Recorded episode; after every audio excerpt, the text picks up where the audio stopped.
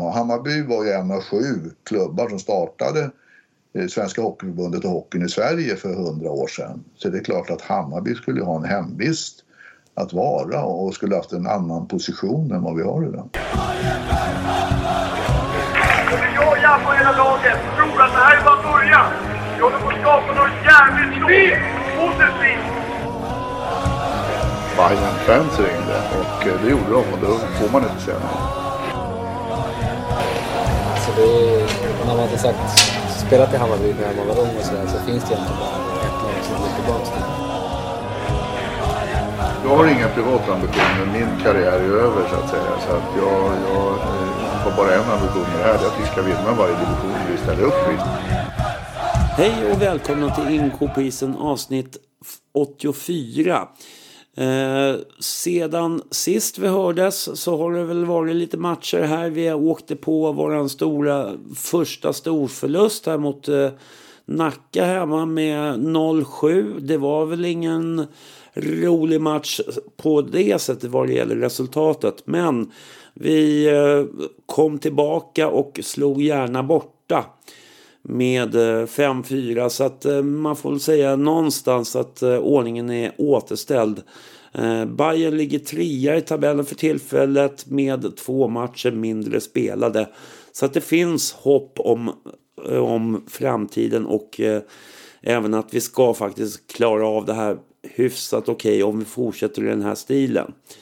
Eh, så att eh, ja, jag har ingenting eh, mer att säga om spelet just nu utan det rullar på. Fokusmatch den 9 november i STC-hallen då vi möter Nynäshamn. Kommer massa, eller det kommer i alla fall en fullpackad buss med massa bajare.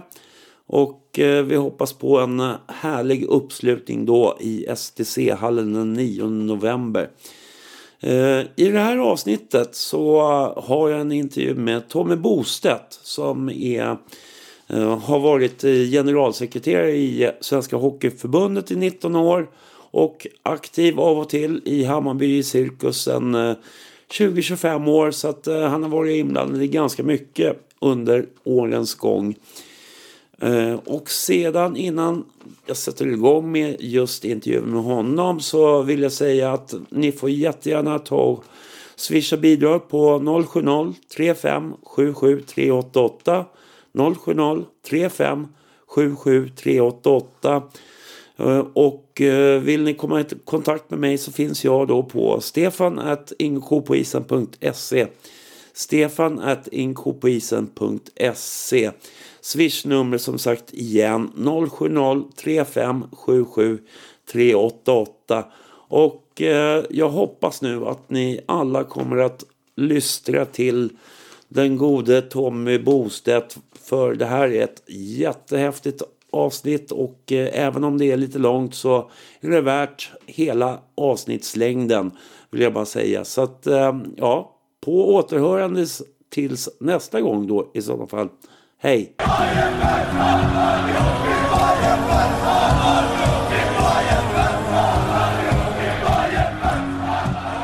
Hej och välkomna till Inko på isen och eh, nu har jag för första gången i världshistorien, i Ingen ko på isens historia i alla fall, eh, äran att få presentera Tommy Bostedt. Välkommen! Tack ska du ha! eh, för, Eh, en eh, profil inom Hammarby under några år i alla fall men eh, främst känd som har jobbat inom landslagshockeyn kan man väl säga då kanske? Ja, jag, jag har jobbat kan man säga professionellt med hockey i 40 år och innan dess så, så jobbade jag halvprofessionellt i, i 4-5 år så att jag har hållit på att jobba med hockey i 45 år och 20 av dem, 19 eller 20 år av dem är med landslagshockeyn så att det, det, är ju knappt hälften av mina år då, då så att jag har hållit på med mycket annat också. Mm. Uh... Och i Hammarby har jag inte bara varit en kort tid utan det är ju... Nej, det är några år. Hela min uppväxt och, och hela min inledning på mitt professionella hockeyliv och sen Sen har jag studsat tillbaks några gånger också så att det blir, när man lägger ihop det så blir det förmodligen eh, eh, ungefär hälften av mitt hockeyliv. Ja, det kan man väl hålla med om. Men eh, Hammarby har väl legat där i bakgrunden mest hela tiden då? Ja, och jag har liksom aldrig valt att... Alltså det, det, är lite svårt att förklara. Jag har aldrig valt att bli svensk och jag har aldrig valt att bli Hammarbyare utan jag har fötts som svensk och jag har fötts som Hammarbyare. Och eh, jag föddes 5 maj 1959 och min mormor gjorde mig till medlem eh, per, ja, direkt när jag föddes. Så att jag liksom har inte valt det själv från början utan det, det, det, det, liksom, det blev, blev, på det sättet för att både mamma och mormor och mormors mamma är ju födda och uppväxta i korsningen Södermannagatan, Ringvägen och mycket närmare Kanalplan kan man liksom inte komma. Så att eh, för min mormor fanns det aldrig något alternativ eh, till, till, att vara Hammarbyare. Det var, det var lika naturligt som att vara stockholmare och svensk. Så att, eh, det blev så för mig också. Så att, för mig har det aldrig varit viktigt om Hammarby har varit bra eller dåliga eller vinner eller förlorar för att det är ju samma med att vara svensk, man är ju bara det. Va? Så att det, det, det är inte mycket mer med det. Så att, nu finns det ju så jättemycket Hammarbyare men, men väldigt många av dem är, är ju det för att det ja, i alla fall i fotbollen då, att, att det har gått bra och det, det är poppis och det är inne och sådär. Så att, eh, men, men Hammarby det är liksom lite större för mig än, än om det går bra eller dåligt. Mm. För du har ju hängt med då på det sättet. Jag menar, jag vet ju själv när jag, när jag började gå på, jag började ganska sent faktiskt att gå på fotboll i början av 90-talet. Då var det ju inga 20-30 tusen på läktaren utan då var det ju kanske 2000 som var på läktaren. Så att eh, det är klart att, men sen så träffar man på äldre människor som har gått under decennier. Så att det, det är ju, man märker ju verkligen att man får ju höra historier som är så roliga som man nästan håller på att trilla av pinn faktiskt. Mm. Jo, nej, men det, det är något speciellt, det, det håller jag med dig om. Mm. Eh, tittar man på, jag roade mig med att slå in dig på Wikipedia. Det är en rolig, rolig historia. Nej, men det, det står väl delvis rätt i, i alla fall. Men, och sen så tittar jag på Elite Prospects och då... Men det som står i grunden där på Wikipedia är att du är ekonom från början. Ja, jag blev ju det. Jag, jag pluggade eh, på Stockholms universitet mellan 79 och 83 på ekonomlinjen. Och var, jag, alltså min brorsa var väldigt bra i idrott under hela uppväxten. Eh, han var han tre år yngre, han var bättre än mig på allt. Eh, utom att jag var lite starkare än honom. Men jag var ju, å andra sidan så hävdade jag mig genom att vara bra i skolan. Då, då. Jag hade ganska lätt för mig i plugget. Så att jag hade väl femmer i stort sett i alla ämnen utom musik och eh, eh något ämne till tror jag. Så att, eh, det gjorde väl att eh, mamma, mamma alltså den generationen som min mamma och pappa kommer från, 30-talister, det var liksom viktigt att man hela tiden skulle bli någonting och skulle bli bättre och så här va, och satsa på något. Och eftersom jag var kass, jag spelade ju hockey, fotboll och handboll i Hammarby på ungdomssidan men jag var rätt kass va, så att då tyckte väl mamma och även jag att jag skulle vara bra på något och då satsade jag på plugget va, och då, då blev det ekonomi eh, framförallt och som, som blev min eh, var mitt ämne då att, att, att plugga och speciellt nationalekonomi var jag intresserad av. Så att, hade jag inte haft hockeyn så hade jag säkert suttit där ute på universitetet fortfarande och forskat och undervisat och så vidare. Men jag har ju haft, haft turen att ha hockeyn att luta mig mot och så att jag kunnat ska, skapa mig ett liv utifrån det istället. Men är det, var det siffrorna på något sätt? Alltså, har du lätt för siffror och matematik då? Ja, alltså jag jag har lätt för lo logiska modeller. Alltså jag, jag, ser, jag har lätt för, när man mönstrar, jag vet inte om du har mönstrat, om du har gjort lumpen och sådär, men när man mönstrar då får man göra massa tester. Och då, då, var det just när, när man gör, gör, tester med siffror och logik och sånt där som, som jag skårade väldigt bra på. Sen är jag jävligt dålig på att komma ihåg namn. Det är nästan så, här så jag, jag, jag har trott eh, under större delen av mitt liv att, att jag, jag, är senil eller något sånt där. Jag kommer inte ihåg vad folk heter, även om jag har känt dem länge. Men jag kan komma ihåg deras telefonnummer och om de spelar hockey så kan jag komma ihåg vilken, vilken eh, nummer på tröjan de hade och hur mycket de väger, hur långa de är och, och, och så vidare. Va? Men, men liksom komma ihåg vad de heter. Så att jag har väl någon sån här Rainman-defekt på något sätt. Va? Att jag, jäkligt bra på siffror och, och så dålig på andra saker som vanliga människor är bra på. Mm. Så att, eh, det är väl tur för mig då att, att jag, jag har haft hockey. Mm. För att eh, man slås utav när man tittar igenom att du är född 59 och sen så när man tittar på Elite Prospect så 79 så står det som head coach i juniorserien för Hammarby J18.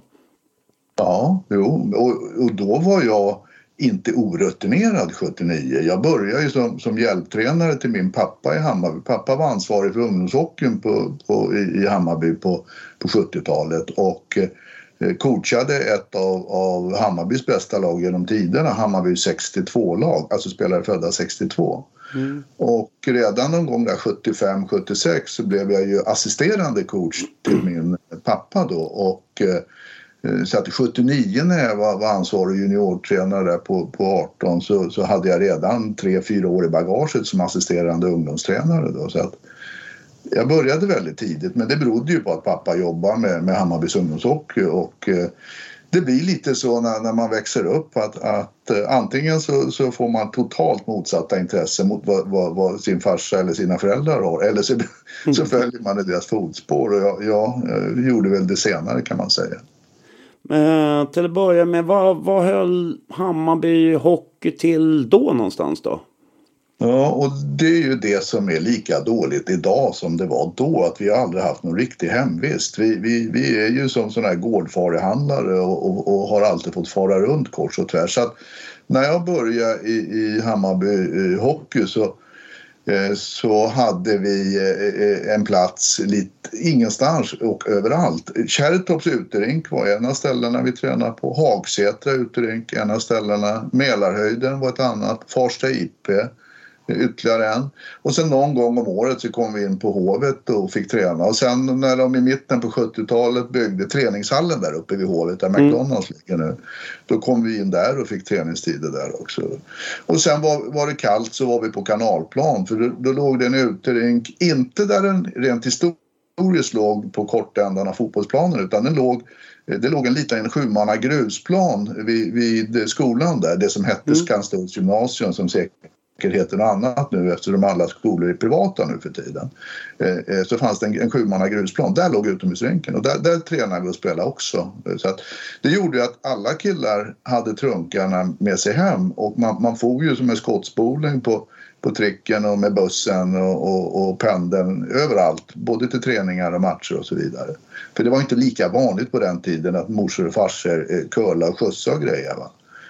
Eh, och, och, eh, mig, jag fick aldrig skjuts för, för pappa höll ju på med, med ungdomshockeyn med, med andra än, än, än, när jag spelade. Så jag åkte ju själv överallt med min trunk. Då, så att, eh, ja, men det, det är också fostrande på sitt sätt.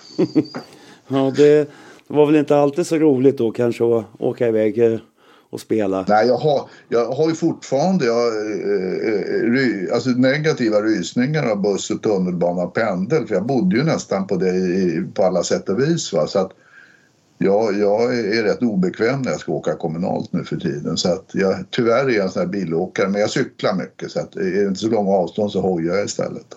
Mm. Uh, du är med där du står jag hänvisar fortfarande då till Elite Prospects och det är alltså ifrån 79 fram till 86. Och eh, 79 eh, till 83 som är fram till I20 och sen så går du in då i seniorlagarna. Ja. Eh, division 1 då. Ja, det är det som heter Hockeyallsvenskan idag då. Så att det var 83 då. Mm. Men innan det som, inte, som de har missat så var det i slutet på säsongen 82-83. Eh, då debuterade jag som elitserietränare och det var i, i eh, slutet på, på februari 83, sista matchen i elitserien. Eh, då var det klart att jag skulle ta över Hammarbys A-lag efter det och Hammarby hade blivit degraderade från elitserien så då, då fick jag ju Eh, coacha för första gången i elitserien nere, nere i båset mot Djurgården av alla gäng med Leffe Bork. Och det blev faktiskt en jämn match. Det avgjordes på en straff eller något sånt där jag för mig. Så, att, eh, eh så jag gjorde min, och jag fyllde 24 5 maj senast. Jag är faktiskt bara 23 år när jag coachade min första match i elitserien i hockey. Mm. Och, och, och, jag tyckte jag var, var rätt långt framme då, rutinerad och sådär. Så men det förstår jag ju idag att jag inte var. Ehm, men det måste nog nästan ha varit lite ovanligt på den tiden, eller? Att ja, ha en så pass ung uh, huvudtränare. Ja. Idag kanske det är lite poppigt att ha lite yngre tränare. Ja, men inte så ung. Jag är fortfarande... Alltså, rent officiellt så var jag ju 25 när jag coachade elitserien. Det var två säsonger senare. Men den första matchen jag gjorde var jag bara 23. Så att, och 25 är det yngsta. Så att det är väl ingen elitserietränare som är 25... Eller vad heter det nu då? SHL-tränare som är 25 år idag. Eh, och det kan man ifrågasätta om, om det var vettigt på den tiden. Men då hade jag ju gnetat på i Hammarby rätt länge innan. Först tre, fyra år som ungdomstränare och sen, sen eh, fyra år som juniortränare. Sen gick det ju rätt bra i juniorlaget. Mm. Vi vann ju juniorallsvenskan då sista året där så att när Hammarby skulle byta tränare så hade de liksom inte så mycket val egentligen. Va? Jag var ju Pappa satt i styrelsen och, och, och, och sen var jag ju polare med Sivert Svärling som var legendarisk ordförande i Hammarby Hockey. Vi umgicks trots att det var 30 år emellan oss va, så umgicks vi en del privat och var ute och käkade och satt och snackade och sådär. Han var, var lite, kan man väl säga, någon form av mentor för mig och sådär. Så att, eh, det var väl nästan givet att jag skulle få det där jobbet tack vare mina kontakter och min bakgrund på den tiden då i, i Hammarby. Då. Mm. Eh, och elitserien vart det en säsong, 84-85 då. Ja, det, det, stämmer. Vi, vi var ju rätt kassa. Vi, vi gick ju upp med, med helt oväntat. Och sen, sen, sen, men på den tiden ska man ha klart för sig, det var bara tio lag i elitserien. Idag är det ju 14. Mm. Och sen var det ju eh, kanske vadå, 15, 10, 15, 20 spelare i NHL. Resten spelar ju i elitserien så att kvaliteten var ju mycket högre på elitserien än idag med det laget vi hade då, eh, som vi blev tia i, i elitserien med för 28 år sedan, nej 30, 38 år sedan. Fy tusan. Eh, eh, så hade vi, hade vi varit lätt ett mittlag i, i, i SHL idag, det är jag övertygad om. Alltså med de träningsmetoder och allting som, man har idag. För kvaliteten på spelarna var, var inte sämre i, i, i vårt lag då än det på mittlagen idag. Nej. Eh, men eh, de halkade ur i alla fall och hamnade i division 1 85-86 och sen så vart det då Sen fick du sparken eller slutade du själv? Nej, jag, nej, jag fick ju inte sparken. Min pappa satt i styrelsen och Sivert och det var ju... Alltså, alltså vi var ju som... Det, det, jag borde väl ha fått det kanske, men jag var ju kvar där. Eh, när vi åkte ur elitsen var jag kvar ett år till. Sen höll vi på att gå upp elitsen året efter igen. Va? Vi var i kvalserien. Hade vi vunnit mot Modo borta då hade vi gått upp igen. Så att det var ganska nära där. Men nej, då bestäm, hade jag bestämt mig för att, att jag hade ju, och min mamma tyckte att jag skulle skaffa mig ett riktigt jobb.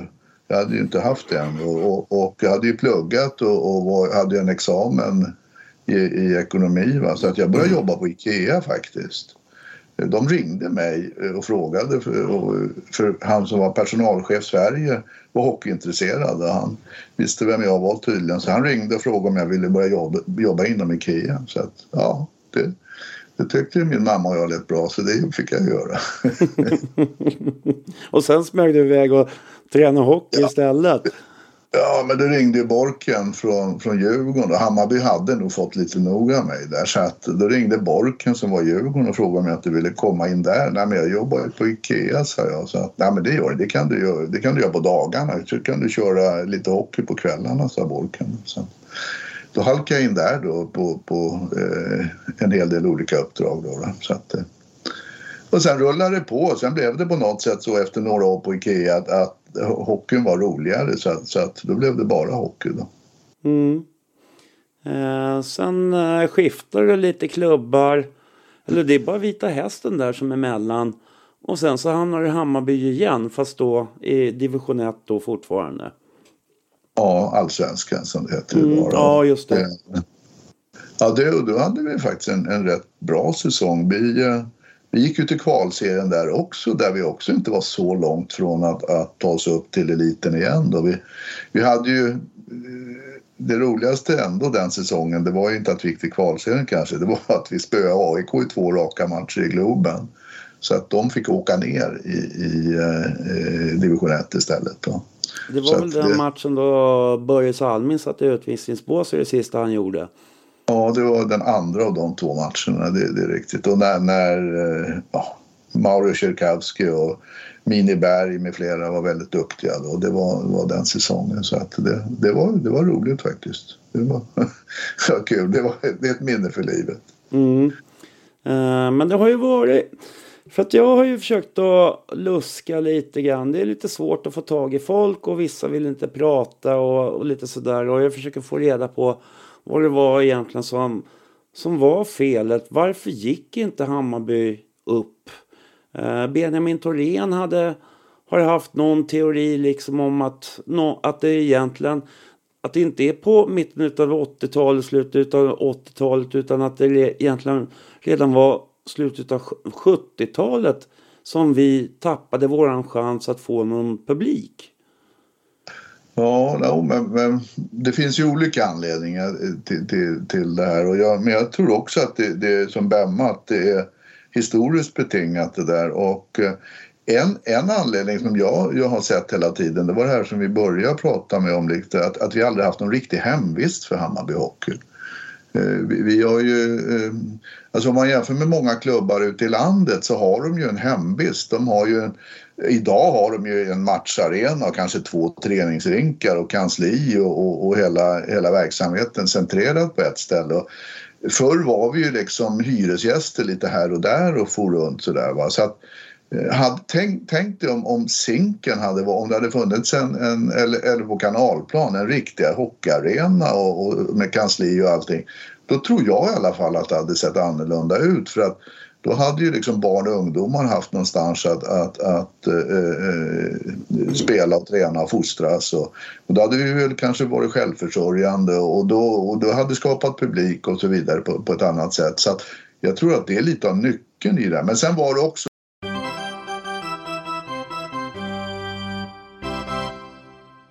Hej! Anders Friberg heter jag, massör hos Hammarby Hockey. Och när jag inte befinner mig i STC-hallen så finns jag på Katarina Bangata 57 nära Skanstull dit ni alla är välkomna.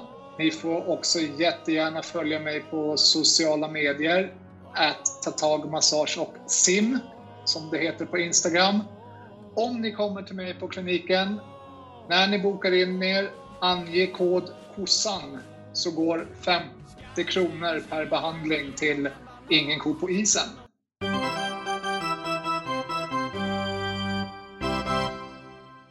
Man ska komma ihåg då på 60, 70, 80-talet så var ju Hammarby en, en eh, flersektionsförening. Det var, mm. alltså, idag är ju varje förening egen i, i Hammarbyfamiljen. Mm. Men då, då var det ju en, en styrelse och, och, och, fotbollen då, det bestämdes i styrelsen med, med Lennart Nyman i spetsen att fotbollen skulle vara nummer ett. Och det gjorde ju att, att de resurser som, som Hammarby hade och så vidare, det, det mesta satsades ju faktiskt på, på fotbollen. Och så fick de andra eh, sporterna komma efter så att säga. Så Hammarby gjorde ju själva ett aktivt val att, att inte ha hockey som, som nummer ett utan fotboll som nummer ett. Och det, det är väl kanske inte så konstigt men det, det hade sin betydelse. Sen på Johanneshovs isstadion så var vi ju tre klubbar. Det var ju Hammarby, AIK och Djurgården. Så att Eh, och där blev vi på något sätt eftersom vi från början om man tittar väldigt långt tillbaks när, hockeyn började backa i Hammarby på 50-talet, tidigt 60-tal. Då, då växte ju Djurgården och AIK starka. De blev ju liksom nummer ett på Hovet och vi var nummer tre ända sedan, 50-talet. Och eh, så hade vi redan då haft en egen anläggning och så vidare då tror jag att det här hade sett annorlunda ut idag. Så att eh, det kan ju låta som en väldigt enkel förklaring det här va? Men, men det är klart det finns må många anledningar till att det ser ut som det gör. Men jag tror det här med att vi har saknat hemvist i alla år. Det, det har varit en av de viktigaste faktorerna till att vi inte har kunnat etablera oss högre upp. Men er, det här är ju någonting som känns som att eh, kan det vara så att Hammarby har varit för dåliga på att trycka på för en egen hemvist då? Ja, det kan det väl vara. Bland annat beroende på att vi valde ju faktiskt eh, eh tidigt i, i, Hammarby att fotbollen skulle vara nummer ett. Eh, och att hockeyn skulle eh, komma efter så att säga. Så att eh, det har väl påverkat det här. Men, men sen samtidigt är det ju också så att allting beror ju inte på, på förklarbara faktorer utan ibland är det slumpen och lite olika saker som avgör var man hamnar någonstans. Och, eh, Eh, jag, jag tror väl att, att, att eh, det här med, med, med, med, med att Hammarbys interna ointresse av att satsa på hockeyn har, har spelat roll när, när, när man pratar om det här med hemvist. Men eh, tittar man på, på Djurgården så har ju de också haft lite av det här problemet att de inte har någon riktigt eh, ställe att vara på. Nu har ju de i modern tid kan man väl säga på ungdomssidan etableras ute på Mälarhöjden där på Myren då, så, som, som de har och det, det tror jag har varit viktigt för dem. AIK har ju sitt ute på Ritorp där så det har ju varit viktigt på ungdomssidan i AIK medan som Hammarby blev ju förpassade till, till Zinken som ja, som, som var en sor, sorglig saga från början egentligen va? med, med hur, hur det såg ut där nere, hur det funkade där nere och var i alla år och sen det, det bommas igen och sånt där. Va? Och sen eh, det här ute på Setra, det, det blev ju också en tillfällig grej för, för att ha någonstans att vara och det var ju tack vare MB Hockey som vi hamnade där. Mm. Så att, men, men liksom det, det så jag, jag, har inte förklaringar till, till, till varför vi... Äh, inga bättre förklaringar till varför vi inte har kommit längre än, än vad har gjort. För man, ska också, man ska ändå då komma ihåg att dominanterna i svensk ishockey från början, det var Göta. Sen var det ju faktiskt Hammarby som, som på 30, 40 och en bit in på 50-talet var ju den dominerande klubben med, med, med, med Bamsingarna och så vidare. Så att, eh, man känner ju, hade det där rent historiskt byggts en ordentlig arena för Hammarby Hockey och med kansli och hela, alltså ett nav liksom, då tror jag vi hade levt av det fortfarande. Mm. Men, men det, det, det, gjordes ju inte och nu var jag inte med på 40-talet så att jag vet inte riktigt. Va? Men, men det är mycket möjligt att, att, att det redan då var så internt i Hammarby att, att man tyckte att fotbollen var viktigare på sitt sätt. Mm. Det är vissa som säger det om mina äldre kamrater. En del finns ju inte längre. Men jag kommer ihåg Sivert Svärling som, som satt i, i huvudstyrelsen. Han var väl vice ordförande i hela föreningen och ordförande i hockeyn. Han, han upplevde alltid det här att, att uh, Nyman körde över hockeyn och satsade mer på fotbollen. Mm. Och det, det, är liksom det, det, det, är liksom inget jag sitter och hittar på utan det har jag fått i, i, i fått i mig av, av alla mina äldre Hammarbykamrater. För jag, jag, var på ett årsmöte en gång och så satt Sivert Svärling där och han, han var riktigt förbannad och sa liksom de där jävlarna i stadshuset de har blåst oss på en egen nysyta. Ja. Eh, så, någon så gång i tiden. Va? Ja, men så, så är det. Va? Det, det har ju hänt. Eh, Och det beror ju på att, att de, de, de, eh, vi byter ju politiker vad är det nu, var tredje år eller vad det är. Va? Och eh, de, de där löftena de gäller ju oftast bara under mandatperioden. Så, mm. Sen är ju löftena bortblåsta och det har ju, det är, det är helt korrekt det, för det, Sivert han, ju, var ju politiker han också så han, han om något kunde den här branschen. Va? Så att, det har varit nära några gånger till att Hammarby har, har fått en e egen hemvist, en egen isyta, en egen arena men det har liksom försvunnit hela tiden, förmodligen av ekonomiska skäl. Mm.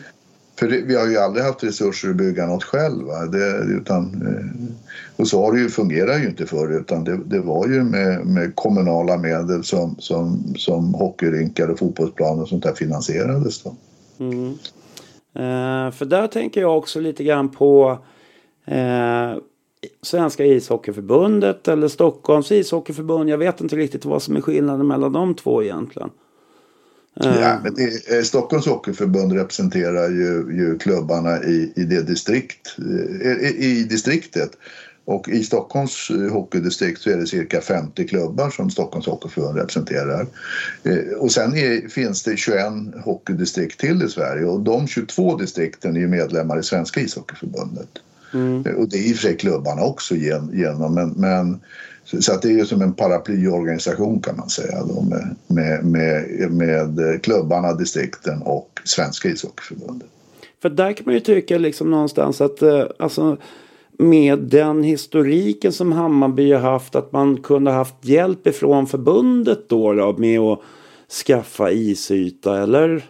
Men då funkar det på det sättet att eh, Stockholms hockeydistrikt, i, i det distriktet finns ju massor med kommuner. Du har ju Stockholms kommun och du har Huddinge kommun, du har Haninge kommun, du har, har Nynäshamns kommun, du har Tyresö kommun, du har Nacka kommun, du har Värmdö kommun och så vidare och så vidare.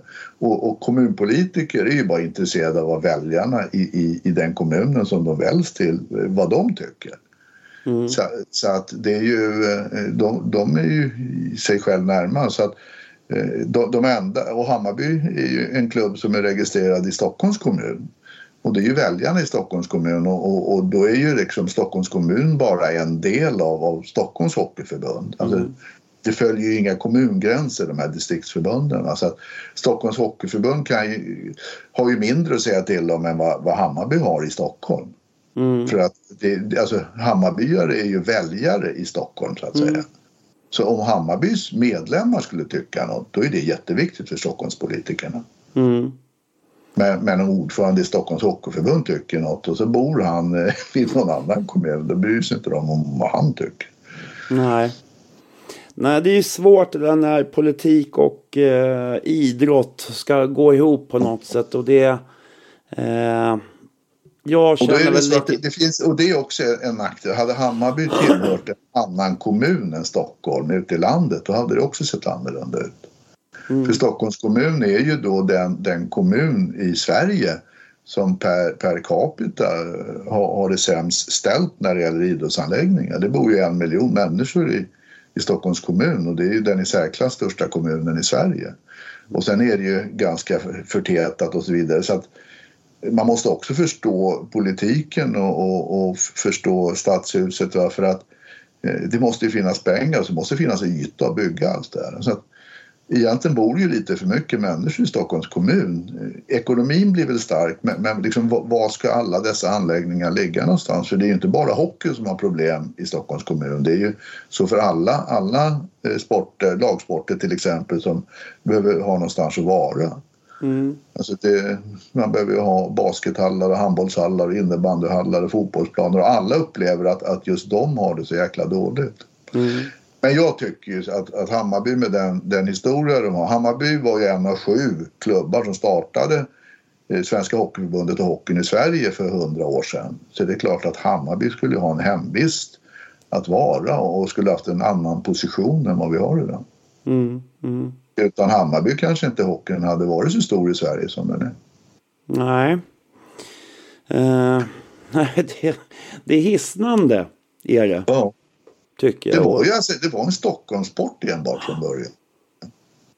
Så att, eh, Udda Hammarby var, var en av de bästa eh, klubbarna alltså, tillsammans med Göta då inledningsvis. Då. Så att, eh, och Södertälje var ganska bra i början också. Mm. Så att det, det, är klart att, att hade Hammar, de, Hammarby och de klubbarna inte varit så starka så hade kanske sporten bara dött ut och så hade det bara varit bandy som det var innan. Mm. Men det har ju höjts röster också på senare tid eller sista åren om att man börjar se liksom en eh, att det är färre som åker och spelar i NHL. Svenskar. Att det blir Nej, färre... det är tvärtom. Är det tvärtom? Ja. Det har aldrig varit så mycket svenskar som spelar i NHL som det är just nu. Och, och eh, lägger man ihop Ryssland, Tjeckien och Finland så är de tillsammans några fler än vad Sverige är där borta med NHL-kontrakt. Så att Eh, det är ju, alltså det är ungefär, eh, förra säsongen var det ungefär 120 svenska spelare som hade NHL-kontrakt. Mm. Och det är, ju, eh, det är ju jättemånga spelare. Det är ju en hel, en hel gammal elitserie höll jag på att säga, nästan i alla fall. Mm. När fick man börja åka över och spela ishockey i NHL? Ja, alltså då, det fick man väl, har man alltid fått göra men, men, men eh, att komma hem var lite mariga för. Men man kan väl säga att i modern tid så var ju Tommy Bergman den som öppnade grindarna i början på 70-talet. 1972 eh, när han åkte över. Och sen kom ju, eh, så startade de den där piratligan där borta sen, WHA, dit Anders Edberg, pröjsaren, åkte till Winnipeg Jets och spelade. Så att tidigt 70-tal, eh, eh, ja, så drog det igång på allvar då. Men innan dess åkte ju Joa Widing över till exempel eh, och, och, och spela. Men han började spela juniorhockey borta i Brandon i, i Kanada och sen, sen hamnade han i Los Angeles Kings. Då, så att, Mm. Ja, det är ju i 50 år har, har svenskar ungefär åkt över och, och spelat där borta. Samtidigt så går det inte jättebra för landslaget i hockey.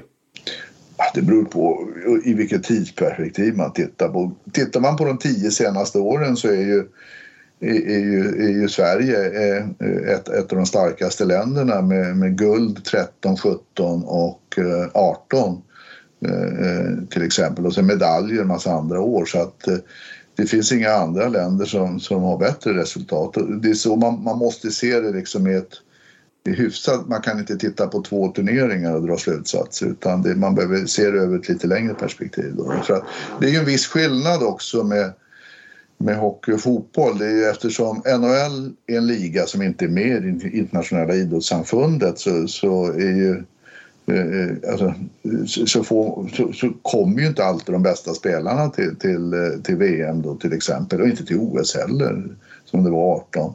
Eh, medan i fotbollen så är ju alla, alla ligor med i, i det internationella fotbollsförbundet så alla kommer. Så att det gör ju att, att man aldrig vet, vet riktigt hur lagen, kvaliteten på lagen. Och, och så har det väl varit för Sverige under många år.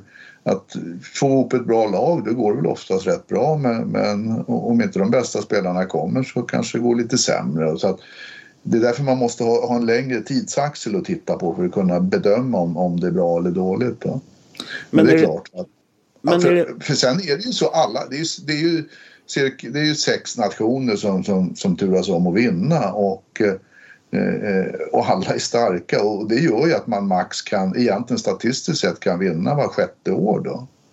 Mm. Och vinner man 13, 17 och 18 det är ju det är på åtta år då, eh, då, då är ju det bättre än, än statistiskt sett än vad det borde vara möjligt. Mm. Och sen om man tittar per capita också och jämför så är det ju helt omöjligt för Sverige och Finland att vinna egentligen eftersom vi är relativt små länder jämfört med Ryssland, USA och Kanada. Så att Finland och Sverige de gör exceptionellt bra ishockey jämfört kanske med de här större drakarna trots att att Kanada och Ryssland kanske är lite bättre men, men, men proportionerligt sett så är de ju inte det. Mm. Men är det kvällspressen då som eh, drar på med sina rubriker efter de här turneringarna och säger liksom att eh, svensk hockey är skit helt enkelt? Ja, men det är väl inga orakel som, som... Utan de är ju pressade, de ska ju sälja, det måste klick... Och nu är ju klick viktigt va? eftersom nu säljer man ju inte lösnummer så då, då, då, då måste det vara någonting som sticker ut. Va? Och eh, den stackaren som skriver där, han är i stort sett tillsagd vad han ska skriva och, och, och gör han inte det då, då får han ju byta jobb. De har ju en sån arbetssituation att att det här med, med fasta anställningar och, och, och, och långa, långa eh, anställningsperioder är inte så vanligt längre inom dagspressen. Va? Så att eh, de är ju pressade och sådär. Va? Så att eh, jag tror lite källkritik kan vara viktigt när man läser va? vad det än gäller, inte bara idrott. Utan, men det är väl kanske just när man läser om idrott så är det extra viktigt för att, att där är det ju det är väldigt klickvänligt och sådär. Så att, så att, men man måste nog lära sig och, och, och analysera det man läser om, om, om man eh, ska komma så nära sanningen det går i alla fall. Mm. Intressant. Men nu ska vi kasta oss tillbaka en liten sväng igen för vi halkar iväg lite. Men eh, för att det som har varit det häftigaste som jag ser det med att ha med dig det är ju också det att du var ytterst delaktig i eh, Bayern Fans Hockey. Och eh, du har, eh, jag klippt, har, du, jag har ju klippt in dig i min lilla signatur också där det står att eh, liksom någonstans, vad, vad, vad säger jag? Du säger att vi ska vinna, att ambition, målet måste vara att vinna varje division vi ställer upp i. Ja, det, alltså det som är unikt är att under några år där så gjorde vi ju faktiskt det också. Det är ju, Jag brukar faktiskt skryta med när folk frågar mig sådär om jag är stolt över något så här, brukar jag skryta med att jag, jag tror och jag, har försökt, jag frågar alla jag känner. Jag är nog den enda coachen i, i svensk hockeyhistoria som har vunnit alla befintliga divisioner som coach. Ja. Jag har faktiskt gjort det. Jag har ju varit, alltså, det finns ju ingen annan som har varit absolut längst ner i systemet och, och även varit längst upp i systemet utan man, man brukar ju vara antingen eller liksom. Mm. Det, det är liksom inga galningar som, som, som, som, var, som är högst upp och sen hamnar längst ner. Va? Utan det är så att, och, och det är ju tack vare Bayern fans som jag fick vara med om det och vinna. Vi var ju nere i Först i fyran, du vet. Det, det, det, finns ju två nivåer där på fyran. Någon sån här där man två gånger 20 man inte kan gå upp och man kan gå upp. Och sen hamnade vi i trean och då, då vann vi trean men då kunde vi inte gå upp för då ska man upp till nästa trea. Och då gjorde du om serien va? Ja, och så var det tvåan så det blev ju fem divisioner bara det. Och, och sen, sen har man ju, ettan har jag ju vunnit förut och, och, och så har jag vunnit elitserien också tidigare. Så, så att eh, eh, så det kunde jag addera. Så att det blir så att de sju nivåer som finns jag faktiskt som, som coach. Om det nu är en merit, det vet jag inte. Men jag tycker det är rätt stolt för det. Så har jag varit med och vunnit alla nivåer. Du är unik Nej. i alla fall. Ja, på det sättet. Ja. Men, men eh, det, det var ju det där med Bayern fans var faktiskt rätt viktigt. Va? Det var ju inte bara att, att Hammarby var ju döda. Vi, alltså Hammarby var ju i konkurs 2008 när, när några eldsjälar liksom kände att det här går ju inte. va och, och, och, och det, var, det var ju steg ett. Steg två så började man ju kontakta några eh, som har varit med förr då, i, i Hammarby och där jag var en av dem då. Så att jag träffade ju Jabbe bland annat och eh, Jakob Uddeholt, eh, välkänd Hammarby-profil på många olika sätt, eh, som, som övertalade mig att hoppa in som, som tränare då. Och eh, hade vi inte gjort det eh, så, så, så, och, och kört på eh, så hade ju kanske hockeyn varit borta ur Hammarbys program. Då. Så att det vi gjorde då under några år det var ju att etablera Bayern Fans Hockey eh, som sen, sen ansökte till, till Riksidrottsförbundet om att få återgå till, till, till namnet Hammarby Hockey. Vilket vi fick då, för det, det fordras ett visst antal år när man har gått i konkurs då för att, att kunna ta tillbaks namnet. Mm. Det är fem år eller vad det är. Så att, Ja, fem år. Ja, så att, så att vi gjorde ju det då och det är tack vare det Hammarby Hockey finns och det gör ju att det i alla fall finns en chans fortfarande att ta sig uppåt i systemet. Mm. Men hade hockeyn varit död och jag tror hade det gått ett antal år då, då tror jag inte det hade blivit någonting. Därför var det så viktigt det här initiativet med, med, med Jabbe och, och, och de andra eldsjälarna i spetsen som gjordes då 2008 för då var ju liksom minnet levande fortfarande. Mm. Så, att, så att det var ungefär som att, att, att, att, livrädda någon som har drunknat eller något sånt där. Va? Att det är viktigt med du vet de där trycken där och sen andas i, i munnen på dem och så trycka, andas och hålla liv i, i, i dem. För gör man inte det då, då, då dör ju patienten. Va? Och Men det- förstod du det då? Ja, det var, det var enda anledningen till att, att jag hoppade med på det där. För att, av någon anledning i mitt liv så har jag alltid haft jävligt mycket att göra och hamnar i sammanhang där, där, det, där det tar mycket. Jag visste det att när man ger sig in i det där så kommer det ta väldigt mycket tid och det har inte jag. Men eh, bara för att, att situationen var som den var så, så sa jag ja. Eh, och många av de andra som också var med förstod ju det också. Med, till exempel Bruno Olsson som gav sig in i det där. Va? Det, Fan, du vet, det tog ju nästan över det där sen något år när vi höll på med det där. Det, det, det var ju liksom, det blev ju nummer ett på agendan i ens liv då eh, under några år. Men så det är jag jätteglad för. Även om vi åkte ur ettan förra året och spelade tvåan nu så finns vi ju. Va? Hammarby Hockey finns ju Mm. och, och har en chans att studsa tillbaka. Men, men hade det varit dött så hade chansen varit noll. Mm. Men sen är det så, det måste jag faktiskt säga, de, de två första åren, eh, 08, 09, 09, 10, det är de roligaste i, hel, i hela mitt idrottsliv. Som, som är ganska långt nu. Eh, eftersom jag har blivit så in i bomben gammal av någon anledning så är det de två i särklass roligaste åren.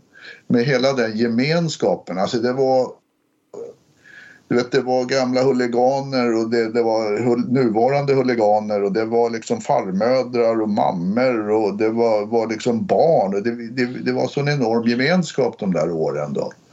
Och vi, och så, jag vet mamma och pappa fick ju vara med och Brunos mamma som var 90 år var med och det, det var och sen var det ju de här andra busungarna från, från eh, Ultras och allting. Va? Alltså, det var ju som blandning och, och, och vi, man umgicks privat och socialt hade man det väldigt trevligt och samtidigt som man körde som bara den när det var matcher och sånt där. Va? Och sen var det ju en del underbara upplevelser. Vi, vi spelade på första seriematchen spelade vi på Stora Mossen mot Kamelen och vi fyllde ju den där ladan då va, med världens drag. Va. Det var ju nästan chockerande. Möta Järna i Scaniaränken sent en kväll. Va. Det är busslaster som väller ner från Gullmarsplan med fans och, och det kravallpolis dyker upp där nere och muddrar folk och håller på va, som att, att det var världens grej liksom. Va. Och det, så att det, det, var ju fantastiskt roliga år får jag säga de där två åren och det, det, saknar, det saknar jag faktiskt. Mm. De det var ju inte det yngsta laget du fick eh, tampas Nej, med. och det var ju ändå rätt skönt va, med lite där Hasse Malm är med och Bruno Olsson och Janne Lempan. Sådana där som är, är, några år äldre än mig själv och som jag eh, liksom, Jag såg ju Janne Lindbergs första match i A-laget när han var 17 år utomhus på Setra IP mot Mälarhöjden. I, I, hans premiärmatch gör han hattrick till exempel. Och jag såg Brunos första match i Hammarby också 79 när han värvades från Nynäs. När han träningsmatch på, på Stora Mossen mot, mot Djurgården tidigt i augusti. Borken, ny A-lagstränare.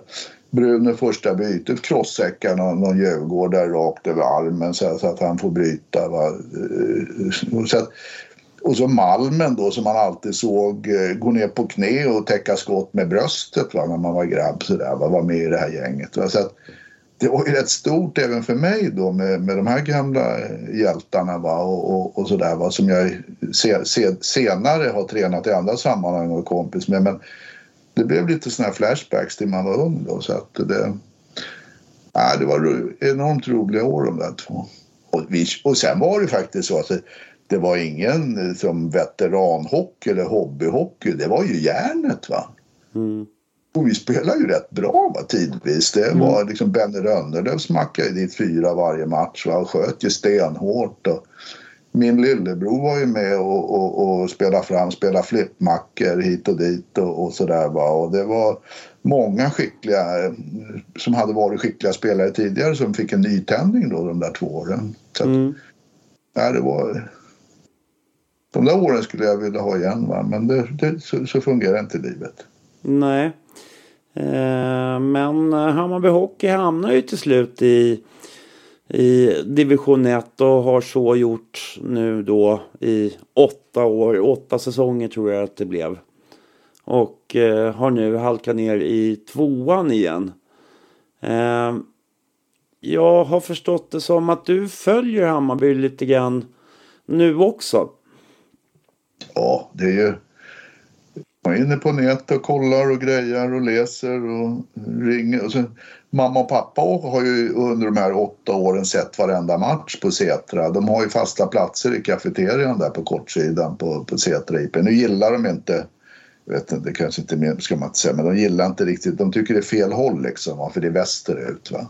Mm. Morsan är uppväxt på, på Söder och vi, jag är uppväxt i Hökarängen. Det är liksom, så, så, att det blir lite fel håll va, att sitta och åka dit ut. Va. Men, men de har sett alla matcher. Jag får ju of, ibland ringer de och refererar och berättar hur det står och hur det går och sådär. Och eh, efteråt om inte annat så brukar jag få referat från, från mamma och pappa vad de tycker och inte tycker och sådär. Så att, mm. jag vet nog hur det har gått och hur det går och sådär. Så att, eh, ja, det, men ettan eller tvåan det på sitt sätt spelar det ingen roll för att, att eh, vill man gå upp till ettan och göra en liten satsning då går man ju upp till ettan. Mm. Eh, och, och jag menar, man vinner inga SM i ettan eller tvåan. Det, man måste högre upp för att vinna SM. Mm. Men så, det avståndet ifrån division 1 upp till eh, allsvenskan känns ju väldigt stort. Ja, det är mycket större. Tvåan till ettan, det, det, kan, man, det kan man trolla ihop rätt snabbt. Va? Men, men från ettan till allsvenskan, det är värre. Och sen nästa steg ännu värre. Mm. För att det... Och då är det, ju, det är två saker som fordras så kan Hammarby spela i SHL. Och det, det är en riktig arena och en, he, och en hemvist för hela klubben. Och sen är det ju kulor. Va? Mm. Titta på Växjö, de, gjorde, de reste rätt snabbt upp och, och, och blev dominant i svensk ishockey. De var ju där nere i, i division 3 för inte så länge sedan eh, och, och lirade. Så, ja, tog det 15 år så vann de SM. Mm. Det, det Men- går. Det går.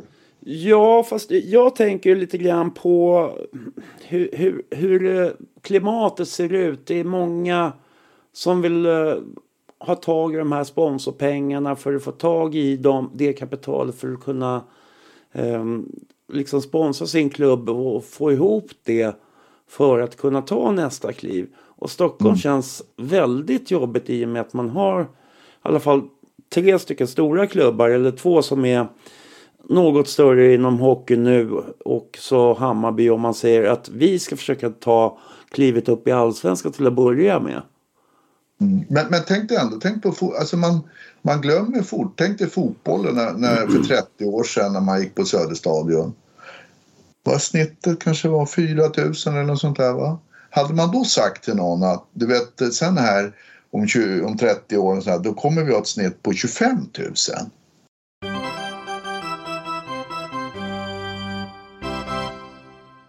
Hej, Anders Friberg heter jag, massör hos Hammarby Hockey. Och när jag inte befinner mig i STC-hallen så finns jag på Katarina Bangata 57, nära Skanstull, dit ni alla är välkomna.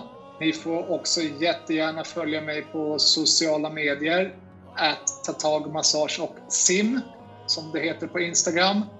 Om ni kommer till mig på kliniken, när ni bokar in er, ange kod KOSSAN så går 50 kronor per behandling till Ingen ko på isen.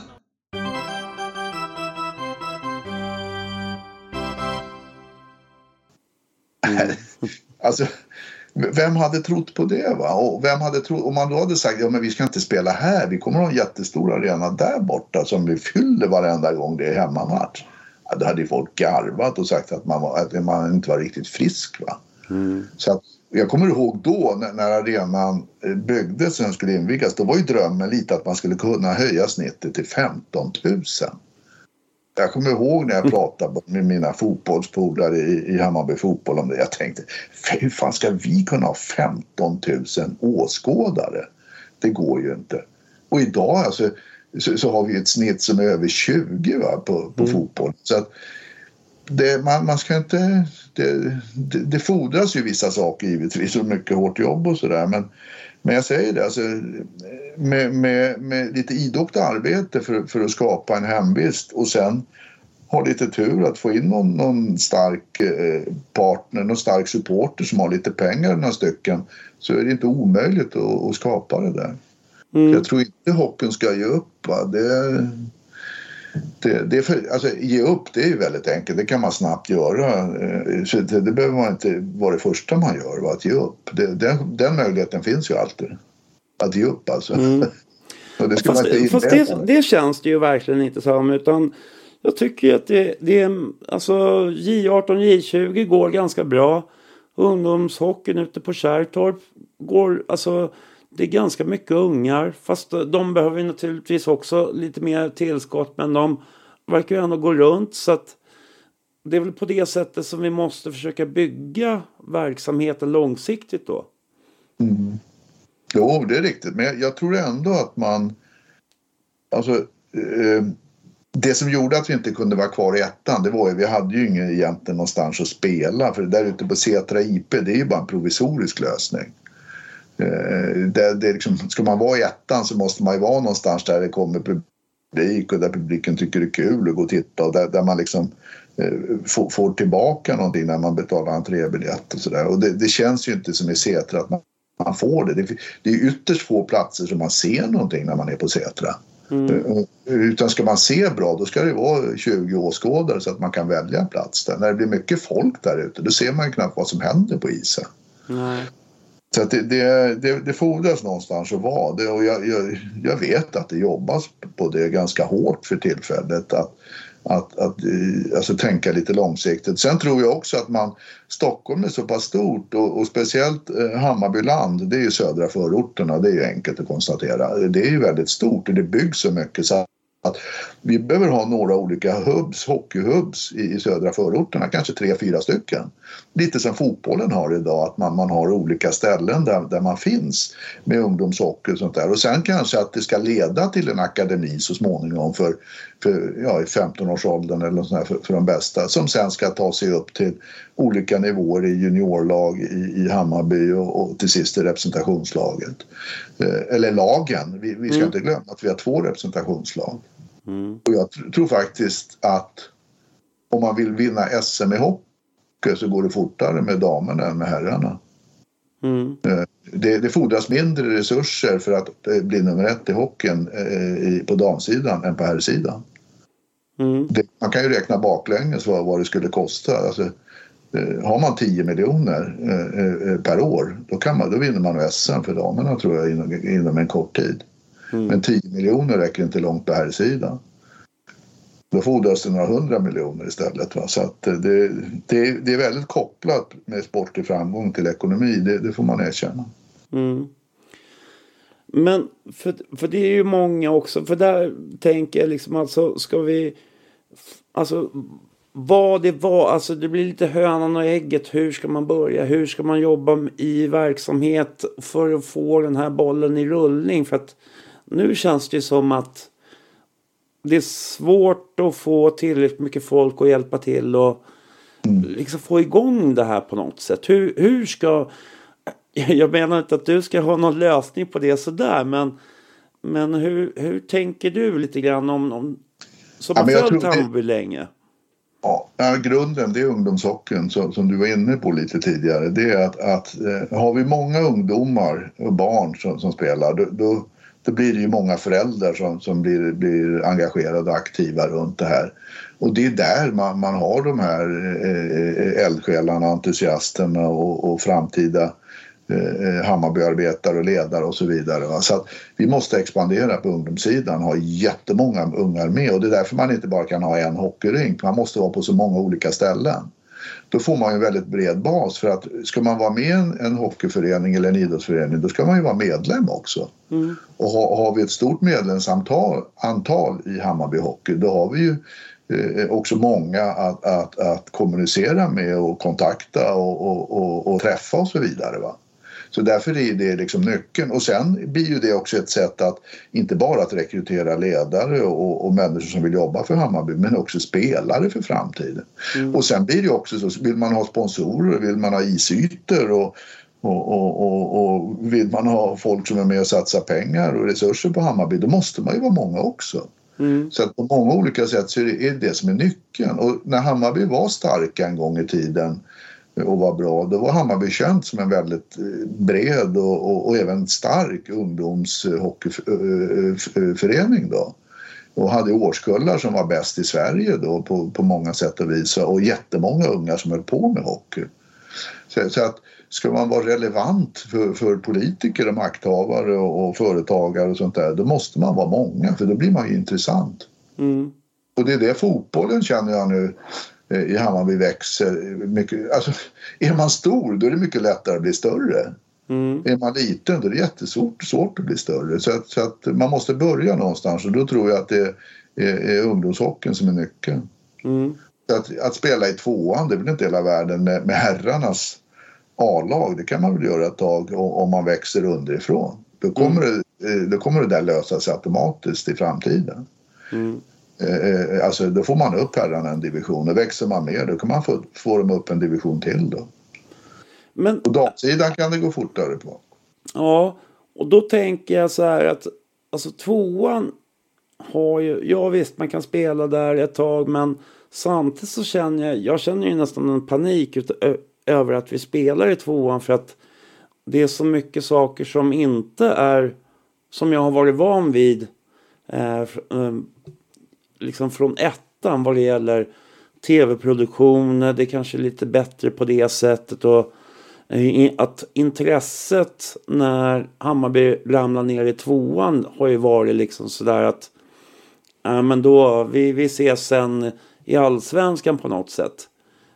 Är en... Proble- Problemet med att spela med ettan det är att eh, alltså det, ska man hänga med där då, då måste man betala lite grann till spelarna och eh, även tjacka utrustning och sånt där och då, då börjar man ju få en budget som blir lite för stor. Alltså, tycker jag, vilken division 1-klubb, hockeyettan-klubb den är så satsar de oftast lite för mycket pengar på A-laget. Och, och någonstans där så blir det till sist att ja, då måste ju ungdomssektionen, ungdomarna vara med med något bidrag till A-laget för att, att det ska gå runt. Och det är ju helt vajkalle tycker jag. Eh, Att, att, barn och, och, och, deras föräldrar ska vara med och betala för vuxnas, vuxnas lek. Va? Så att den verksamhet man har på, på seniorsidan den ska ju bära sig självt. Det ska ju snarare vara så i förlängningen att, att, att bidraget ska ju gå neråt till ungdomssidan. Och nu har Hammarby en ekonomi som räcker ungefär till, till ett division 2-lag. Då får man nöja sig med det. För jag säger det alltså att får, får man in lite mer pengar så är det inte så svårt att gå upp till ettan. Det gör man rätt snabbt. Mm. Så att, eh, men vi har som inga egna spelare riktigt idag att fylla på med. Alltså sk- skillnad som det var på 70 och 80-talet eh, eh, då, då fanns det hela tiden eh, eh, eh, juniorer att fylla på med som var topp i Sverige. Alltså när jag tog över A-laget 83 så tog jag med mig upp en drös juniorer. Då hade vi året innan vunnit juniorallsvenskan. Vi tillhörde de bästa i Sverige. Och då blir det ju naturligt att, att ta egna spelare med, med sig upp liksom till, till, till representationslaget. Då. Men idag är det ju, Hammarby har ju inte ett juniorlag som är topp i Sverige idag. Och Nej. då finns det, det finns ju inget att fylla på med liksom. Men jag, jag upplever ju någonstans också att vi, vi alltså är det, har vi bra spelare så är det väldigt lätt att bli av med spelare också. Ja, absolut. För, för att då är det ju alltid någon annan. Och får inga pengar för det. Nej, nej och så är det någon hockeyettan-klubb som, som, som betalar lite ersättning till spelarna och de är ju inte mer än människor. Va? Det är vi alla, alla måste vi ju leva av något. Eh, Så, att- så att eh, det, det är helt riktigt att, att då, då blir man av med dem. Det, det är hårda bud. Så har det i och för sig alltid varit. Så att det är Men varför kan, inte, varför kan inte hockeyn ta pengar på samma sätt som man gör som fotbollsspelare? Ja, men du vet skillnaden, du vet fotbollen, det är ett sjukt system att man får ju bara betalt för spelarna om de har kontrakt. Mm. Ja, och det gör ju att spelare som inte vill förlänga kontraktet, även om de har kontrakt, de får inte spela. Nej, nej. Vil- Vilket också blir ju jättekonstigt. Det är ju att en, spelare som är kontraktlös får man ju ingenting för i, i fotboll. Mm. Det är ju bara om de har kontrakt man får betalt. Mm. Och därför vill de ju, och många spelare vill ju inte då förlänga för att de vill ju eh, vara eh, fria att gå för att då, då får de ju en större signing bonus istället. Då. Och då får de ju kanske sitta på bänken sista året Mm. på kontraktet. Så sista året på ett kontrakt i fotboll det är oftast inte så mycket värt. Nej. Så att det är liksom hockeyns system är inget bra, fotbollens system tycker jag inte heller är något bra. Det, jag får nästan säga som, som jag säger om mycket annat i mitt liv, det var bättre förr. Mm. Eh, när, när, när, när jag höll på då i slutet på 70-talet, början på 80-talet, då sålde vi ju spelare till Djurgården varje år och kanske till, till AIK och lite sånt där. Va? Då fick man 850 000. Alltså det här är ju 40 år sedan. Va? Ja, alltså när, när, när vi sålde alla dessa eh, Hammarbyare till Djurgården så, så betingade de ett värde av 850 000. Och I stort sett hela den budget jag hade 83-84 för, att- eh, för A-laget det fick vi genom att sälja, att vi hade sålt en 5-6 spelare till Djurgården. Du vet. Det var ju miljoner. Sen kom ju den här Bosman-domen som det hette Mm, mm. i åt, andra hälften av 80-talet. Va? Och, och som jag menar att hockey det var ett vanligt yrke, yrke som annat. Man kan inte ta betalt när man byter jobb, arbetsplats och så vidare. Va? Så att då försvann den möjligheten. Mm. Vilket var, var tufft för klubbar som Hammarby och Huddinge till exempel som också eh, sålde mycket spelare på den tiden. Det var ju en del av våran så kallade affärsidé om man nu, alltså för att hålla oss i alla fall topp 15, topp 20 i Sverige. För elitserien var ju topp 10 då och var precis under det. det alltså, med, med, de, med de begränsade möjligheter till sponsorer där som vi hade så var det ju kanske den viktigaste inkomstkällan. Det var att sälja spelare varje år. Mm. Och så hade vi bra juniorlag så vi kunde ta upp killar hela tiden från juniorlaget då, och fylla på med. Men sen försvann den möjligheten och det, var, det är jättemånga klubbar i, i, i, utanför Stockholm också som, som led mycket av det som var så här, som Kiruna till exempel. Det var ju en sån där klubb som producerar mycket spelare och skickar söderut då till exempel. Så att, eh, det, det var tufft då med Bosman-domen. Mm. Men för att då blir det ju någonstans det att då, då gäller det att ha mycket publik. Det gäller att ha någon fet sponsor som går in med mycket pengar och eh, ja. Det är väl lite där vi hamnar för att spelarna kan vi inte ta betalt för. Nej, så är det. Det, det kan man glömma. Det är ju, det enda gången man får betalt för spelare nu för tiden det är när de går till NHL. Och hur stora är de Till? Nordamerika. Mm. Tre, tre miljoner får man för en, en spelare. Mm. Vil, vilket då kanske inte täcker mycket av de kostnader man har haft och värdet och allting. Men eh, tre miljoner är mer än noll. Mm. Om du förstår vad jag menar. Ja, ja. Det, är ju, det, är ändå, det är ändå pengar. Eh, Men det är inte lika mycket som, som, som man borde få. Va? Men det är ju inte Hammarbys problem idag. Liksom, va? Nej, Vi ser inga spelare till NHL just nu. nej. Men eh, ja. Jag tänkte ju på. För då är det ju där med Hammarby, ungdomssektion och allting det där. Eh, och framöver här nu så har jag hört att eh, du ska komma in på något litet hörn här, nu i Hammarby igen. Kan du berätta lite om det? Vi, det är ju så att Hammarby har ju en ny ordförande med, med, med Knut Engqvist, Knutte. Han spelar ju i Bayern i 73 erna juniorerna när de faktiskt vann junior-SM på, på 90-talet. Eh, och, Eh, och sen är det en kille som heter Sven Gustafsson som jobbar med, på, han är marknadsansvarig i Hammarby Hockey och, och kommer från fotboll, var i fotbollens styrelse bland annat tidigare. Och så är det Robban Gräs som är sportansvarig, gammal Hammarby-spelare också som också vann junior-SM på 90-talet. Han och Knutte spelade i samma lag i 73orna där. Och sen, sen är är det Thomas Storm också som har varit i Hammarby, ledde ju styrkorna nere på Zinkern under många år och är ju en av världens främsta eh, eh, skillstränare, alltså tekniktränare, skridskoåkning, puckföring och sånt där. Och vi, vi fem eh, träffas kontinuerligt och, och, och diskuterar och allt ifrån eh, att ha någonstans att vara, ekonomi och sportsliga satsningar och sånt där. Va? Så, så att, eh, och då är min roll lite i den gruppen det är att vara någon form av rådgivare, senior advisor får man väl säga, kalla det för då. då eftersom jag börjar bli rätt senior då. Jag hade hellre varit junior advisor om det hade jag fått välja men det går ju inte. Eh, Så att, eh, ja, och det, Knutte som är ny ordförande det har och, och, och Svenne då som, som marknadsansvarig, de har ganska eh, eh, höga eh, eller stora planer och höga förväntningar på framtiden då. Och, och det känns som en frisk fläkt och, och det är väl tillsammans med att, att jag inte har något val, jag är ju född in i det här, eh, men också att, att de känns som en frisk fläkt. De känns lite som Jabbe gjorde eh, 2008 när han, när han kontaktade mig och vi började träffas och sådär. Va? Alltså, de har den energin som, som Jabbe hade på den tiden. Mm. Och det tilltalar mig. Så jag tror att, att eh, utifrån deras jobb så, så kommer det att, att, att eh, bli en del positiva grejer framöver. Hur långt det räcker det är svårt att säga om va? Men, men det kommer att bli ganska många förbättringar.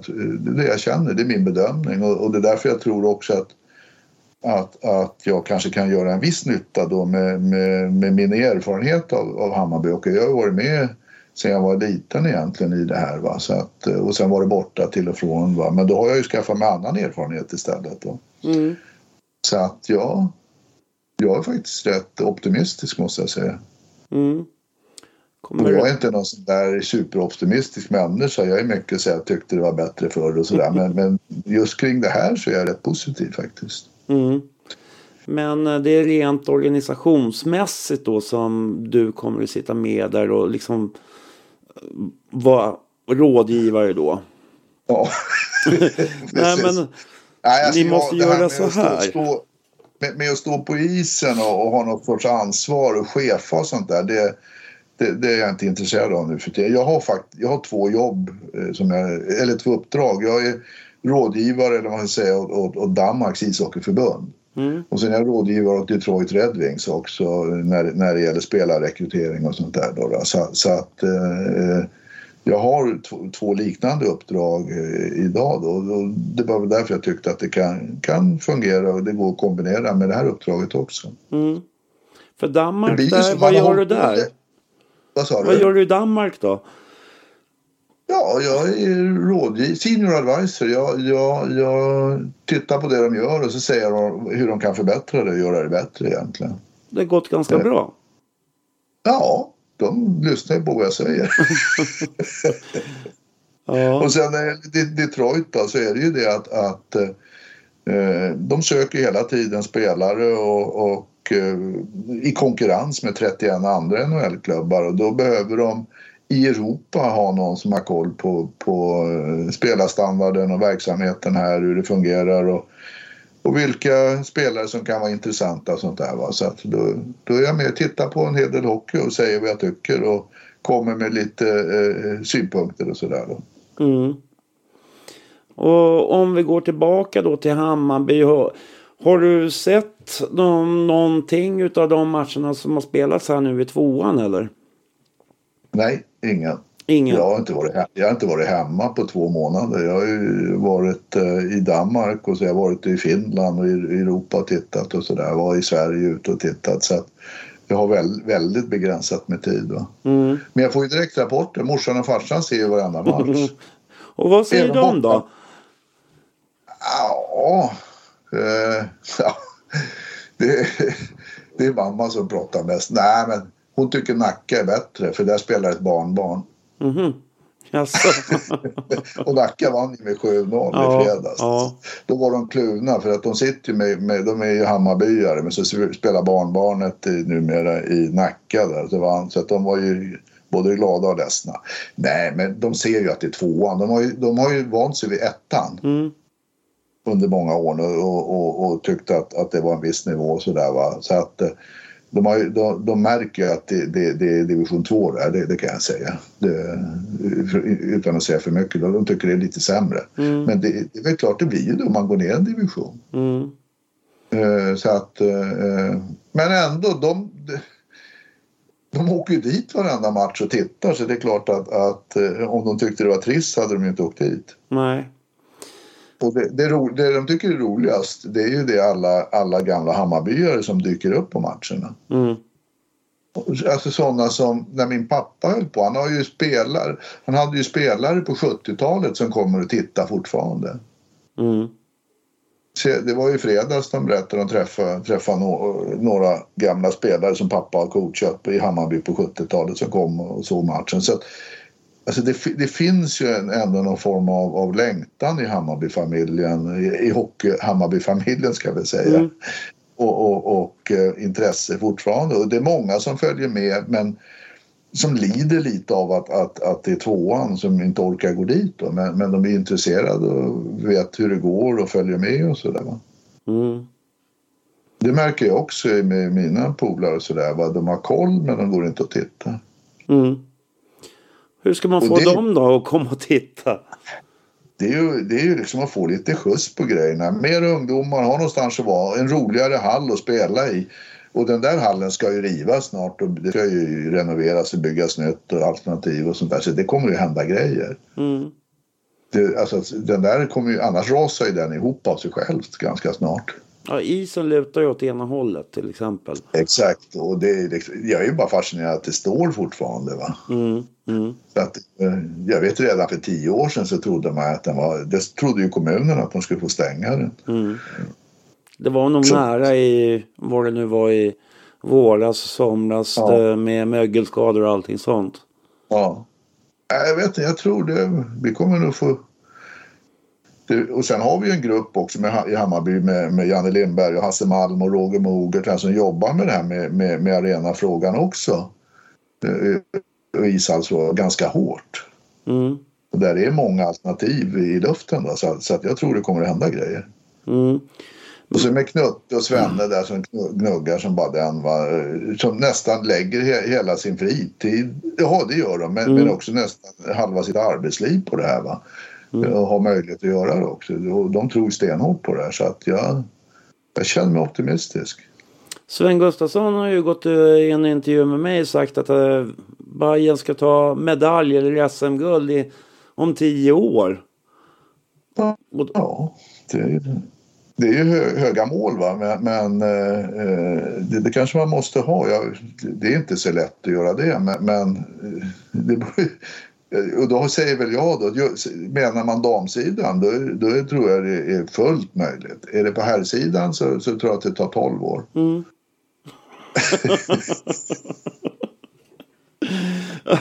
ja, jag vet inte riktigt vad jag ska tro men det, det är ju det är ju roligt ja, att höra se... från dig på ett sätt också.